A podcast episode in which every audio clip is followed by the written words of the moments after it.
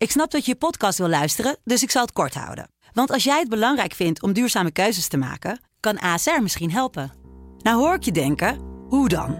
Nou, bijvoorbeeld bij het duurzaam herstellen van schade. Of de premies die we beleggen volgens ons duurzaam beleggingsbeleid. Dat bepaalt waar we wel en juist niet in investeren. Wil je meer weten over welke duurzame keuzes ASR maakt? Ga dan naar asr.nl/slash duurzame keuzes. ASR doet het. Zo, dan kan je nu lekker naar je podcast luisteren. Coronajaar 2020 lag overhoop. Wordt 2021 het jaar van hoop? En van licht aan het einde van de tunnel. Die vraag staat centraal in deze podcast van De Telegraaf. Dit keer met Frank de Ruwe. 27 januari 2021. Mijn naam is Floris Noord en in deze podcast blikken we dagelijks vooruit met een gast op 2021. Onze gasten hebben een bijzonder jaar achter de rug of zitten nu in een speciale situatie. In deze aflevering straatkunstenaar Frank de Ruwe, oftewel Street Art Frankie. Welkom. Hey. Hoi, goedemiddag. We gaan het uh, zo hebben over hoe corona ja, van invloed is op jouw werk en of het je misschien ook uh, inspireert. Maar ja, het is natuurlijk een podcast. We kunnen uh, geen beelden laten zien. Dus laten we eerst even een, een beeld proberen te schetsen van, het, van jouw werk. mensen zouden je denk ik kunnen kennen van het grote Lego-beeld van Hazes op de Dam. Ja, dat zou kunnen. Maar wat maak je nog meer?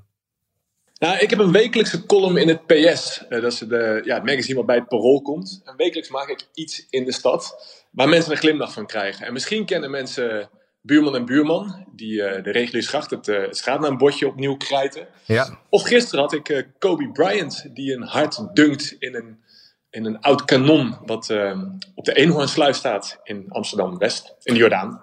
En dat is dan eigenlijk werk dat vanuit het niets verschijnt? Ja, ja ik plaats die dingen gewoon overdag, vaak met een oranje vestje, zodat ik ook nog een beetje op de gemeente lijk. En dan zet ik het neer en dan maak ik een foto en dan loop ik weer weg. Ja, oké. Nou, het is natuurlijk wel een jaar uh, ja, dat er maar weinig mensen eigenlijk op straat zijn, omdat we allemaal binnen zitten natuurlijk. Ja, in hoeverre is dat dan van invloed op jouw werk? Nou ja, ik, ik, voor mezelf, ik vind het eigenlijk wel uh, lekker dat ik de laatste tijd veel meer in Amsterdam loop. Eigenlijk elk weekend ga ik even een rondje lopen. En je ziet gewoon steeds meer dingen die er dan in het straatbeeld veranderen. Ik vind het altijd leuk als er dingen kapot zijn of, of gebroken. En om ze dan uh, te repareren. En dan niet op de meest uh, voor de hand liggende manier, maar een beetje een omslachtige manier. Ja. Uh, want als je iets omslachtig repareert, dan komt er vaak humor. Uh, ja, dan, dan, dan, zie je het vaak meer als een, als een leuk ding. Ja. Zo had ik laatst een regenpijp die was gebroken. En dan, ehm, ja, dan zou je er gewoon een koppelstik tussen kunnen zetten. Maar in plaats daarvan had ik er een soort glijbaan tussen gezet. Met ook nog een waterrad. Dus als, uh, als het regent, dan gaat het rad ronddraaien. En dan gaat het water via een glijbaan in de buis die eronder afgebroken hing. En dan wordt het meteen een, een, leuk beeld waar je moet lachen. En wat ik dan ook zie, is dat er best wel toch wel mensen ook nu wel op straat een wandeling maken. En als ze dan zoiets zien, dat ze er een glimlach van krijgen. En ik denk dat dat, zeker in deze tijd, ja. uh, heel mooi is.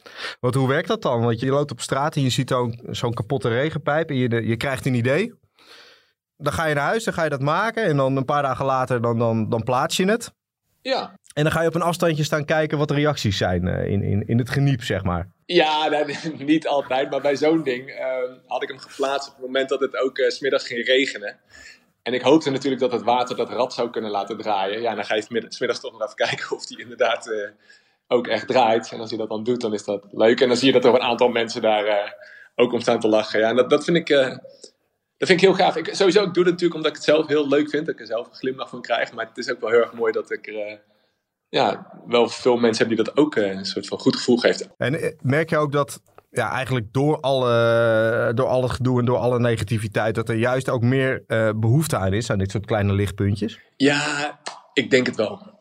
Ik denk inderdaad dat we wel genoeg ook niet zo leuk nieuws hebben. Dus dat mensen dit wel, ja, ook wel lekker vinden. Even zo'n tussendoortje waar je heel even om kan glimlachen. Dus ik denk zeker dat deze tijd uh, voor dit soort werk heel erg geschikt is. Ja, en, en heeft het jouw werk ook doen veranderen? Nou ja, zoals André Haas op de dam die je net uh, beschreef, dat, dat heb ik eigenlijk gedaan dat op de dam liggen van die uh, betonblokken. Die zijn er een jaar of twee gele geleden neergelegd. Ja. Dat is om terroristische aanslagen te voorkomen. Dat hebben ze gedaan na al die verschrikkelijke dingen in uh, Frankrijk.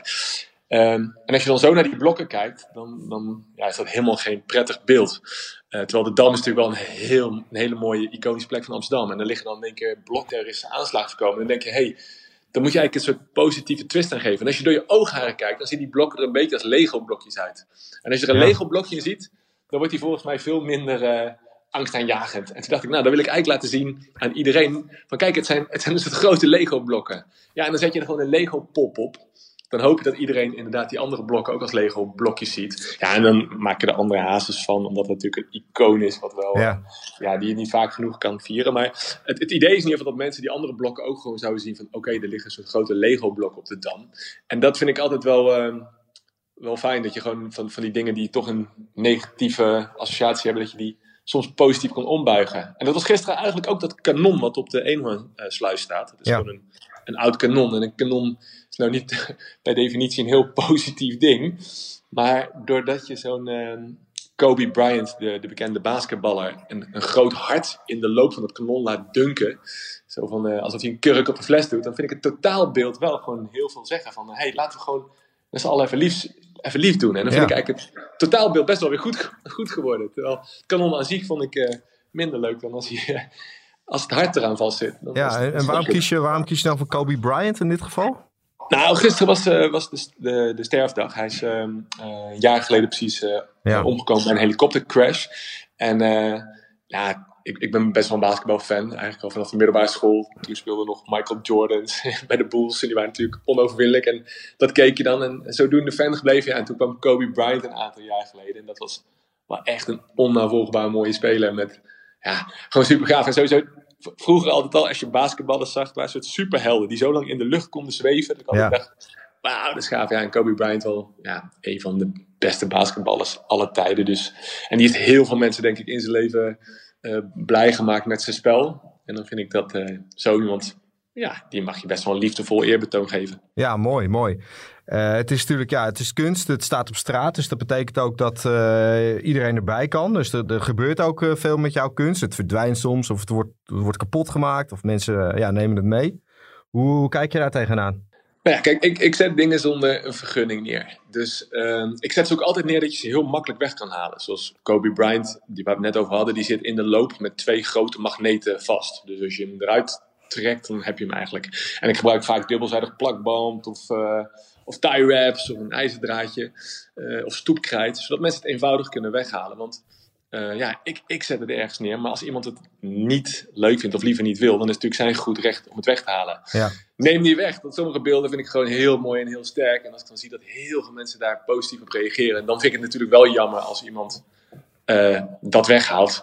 Maar goed, ehm, ja, dat is ook een beetje part of the street art eh Ja, game, precies. om het zo maar te zeggen. wat, eh, wat, heeft het ook al een bepaalde waarde ook echt? ja, ja, dat is wel grappig. Heel af en toe staat er wel eens iets op Marktplaats. Ja, zoek je daarna dan bijvoorbeeld ook? Ja, wel heel af en toe. Omdat ik dan wil kijken of ik het terug kan vinden. En, Ja. eh, ja, dan, dan ehm, vind ik dat soms ook wel weer grappig. Zeker als, als het iets is wat ehm, eigenlijk zonder de context, zonder de straat eigenlijk helemaal geen waarde heeft. Gewoon een stuk Playmobil of zo, wat je denkt, nou ja, als het de omgeving mist, is het niet leuk. Maar als er dan bij staat, ja, een, een echte street art Frankie. En dit is gewoon een, stuk Playmobil, een beetje verbouwd. En er staat niet eens een handtekening op. denk ik, hè, Ja, dit, dit is helemaal niet, dit is helemaal niet gaaf om, om op je schoorsteen te hebben staan. Als, Nee. je, als je een straatstuk, dan, dan moet je eigenlijk de hele straat wegbikken. Maar ja, want eh, er is natuurlijk ook een andere bekende straatkunstenaar, Banksy. En als die eh, ja, zich eigenlijk ergens mee bemoeit, ergens een tekening op een muur zet of zo, dan eh, is vaak dat huis eh, in één keer onbetaalbaar geworden. Is, dat, eh, is dat ook een soort, soort voorbeeld voor je of een inspiratiebron? Ja, Banksy is zeer zeker een grote inspiratiebron. Toen in 2003 zijn, eh, zijn boek eh, War and Peace uitkwam, toen kreeg ik dat in handen en toen was ik echt, ja, echt blown away. Ik vond het zo gaaf hoe hij ehm, met zoveel humor eigenlijk zijn beelden brengt en ook zijn lef gewoon met, met een eigen schilderij een museum inlopen en het gewoon op de muur plakken. En Ja, ja, ik, ik, ik, ik was echt, ik dacht, wauw, dit is echt next level van eh, street art of, of ja, gewoon jezelf eh, eh, ja, dingen maken met een positieve vibe. En toen dacht ik, wauw, dit ga ik ook doen. En eigenlijk na dat boek ben ik zelf ook begonnen. Alleen het verschil met Banksy is dat hij heeft wel vaak een, een politieke boodschap, die hij wel eh, op een leuke manier brengt. En ik doe echt, echt puur voor, voor de glimlach. Ik Ja, hoop altijd dat, ik, het liefst zou ik willen dat 100% van de mensen het leuk vinden, maar ja, als ik 99,9 haal, dus zou ik ook ja. Ik zag afgelopen week zag ik ook heel, heel tof eh, André van Duin. Die was bij eh, Matthijs van Nieuwenkerk bij zijn nieuwe programma. En dan zei, vroeg ze ook waar ben je nou het meest trots op? En toen zei hij, nou, dat ik in mijn leven best wel veel mensen heb laten lachen. En natuurlijk, André van Duin is wel echt absoluut wil ik niet vergelijken met hem, maar dat is echt een grootheid. Maar ik vond het wel heel mooi. En eigenlijk, ik hoop dat ik dat met mijn straatkunst, als ik in mijn leven ja, flink wat mensen kan laten lachen of laten glimlachen, dan, ja, daar zou ik er wel trots op zijn. Ja, mooi. Ja, dat, in ieder geval dat hazesbeeld, uh, dat heeft ook echt veel losgemaakt uh, toen. Hè. De, bij, bijna iedereen had het erover, maar het werd ook vrij snel, ja, helaas weer vernield, werd onthoofd. En toen, toen was er sprake van dat er een, een betonversie zou komen, die echt definitief geplaatst zou worden ook. Wat is, daar, wat is daar nu de status van? Ja, kijk, nou, ik, ik, hoop altijd dat hij niet onthoofd is, maar dat het gewoon iemand is die hem zo mooi vond dat hij hem mee naar huis wilde nemen en dat hij met te veel gewicht aan zijn nek is gaan hangen. Ja. maar goed, Um, inderdaad, uh, Rachel Hazes die gaat een, een museum beginnen. Uh, ter nagedachtenis van André Hazes. En dat moet een soort combinatie van een bar-museum worden. Het liefst willen ze dat op het Leidseplein. Maar ik denk nu vanwege de, de, corona dat het niet slim is om een museum te openen. Zodat ze, dus dat ze het een beetje aan het uitstellen zijn. Maar er komt ongetwijfeld een André Hazes museum. En er komt ongetwijfeld dat beeld in een betonvariant uh, weer te staan. Ja, hey, en uh, ja, er zijn het afgelopen jaren ook allerlei nieuwe voorwerpen in ons leven gekomen eigenlijk. Hè? Denk aan de handpompjes met uh, desinfectiegel en mondkapjes die we nu overal zien. Is dat ook een inspiratiebron voor jou voor nieuwe kunst? Ja, nou, kijk, ik, ik, ik teken heel veel in een boekje gewoon van dingen die ik leuk vind. Niet dat ik alles maak, maar zo'n handpompje, dan moet ik altijd denken, het zou ook wel leuk zijn als je die gel in zo'n pomp zou doen waar een snackbar mayonaise in heeft zitten. Dat je echt goed je handen kan. Eh. Ja. En, dan, en dan teken ik dat een keer en dan vind ik dat leuk. Maar ik maak ook niet alles. En um, er zijn best wel veel kunstenaars al aan de haal gegaan met mondkapjes. En denk ik, nou, ik heb eigenlijk alles wel gezien. Wat, wat, um, wat ik denk ik... Uh, ja, dan, dan, dan vind ik het leuk om erover na te denken, maar het is niet per se dat ik er iets mee doe. Maar sommige dingen inderdaad, eigenlijk alles wat,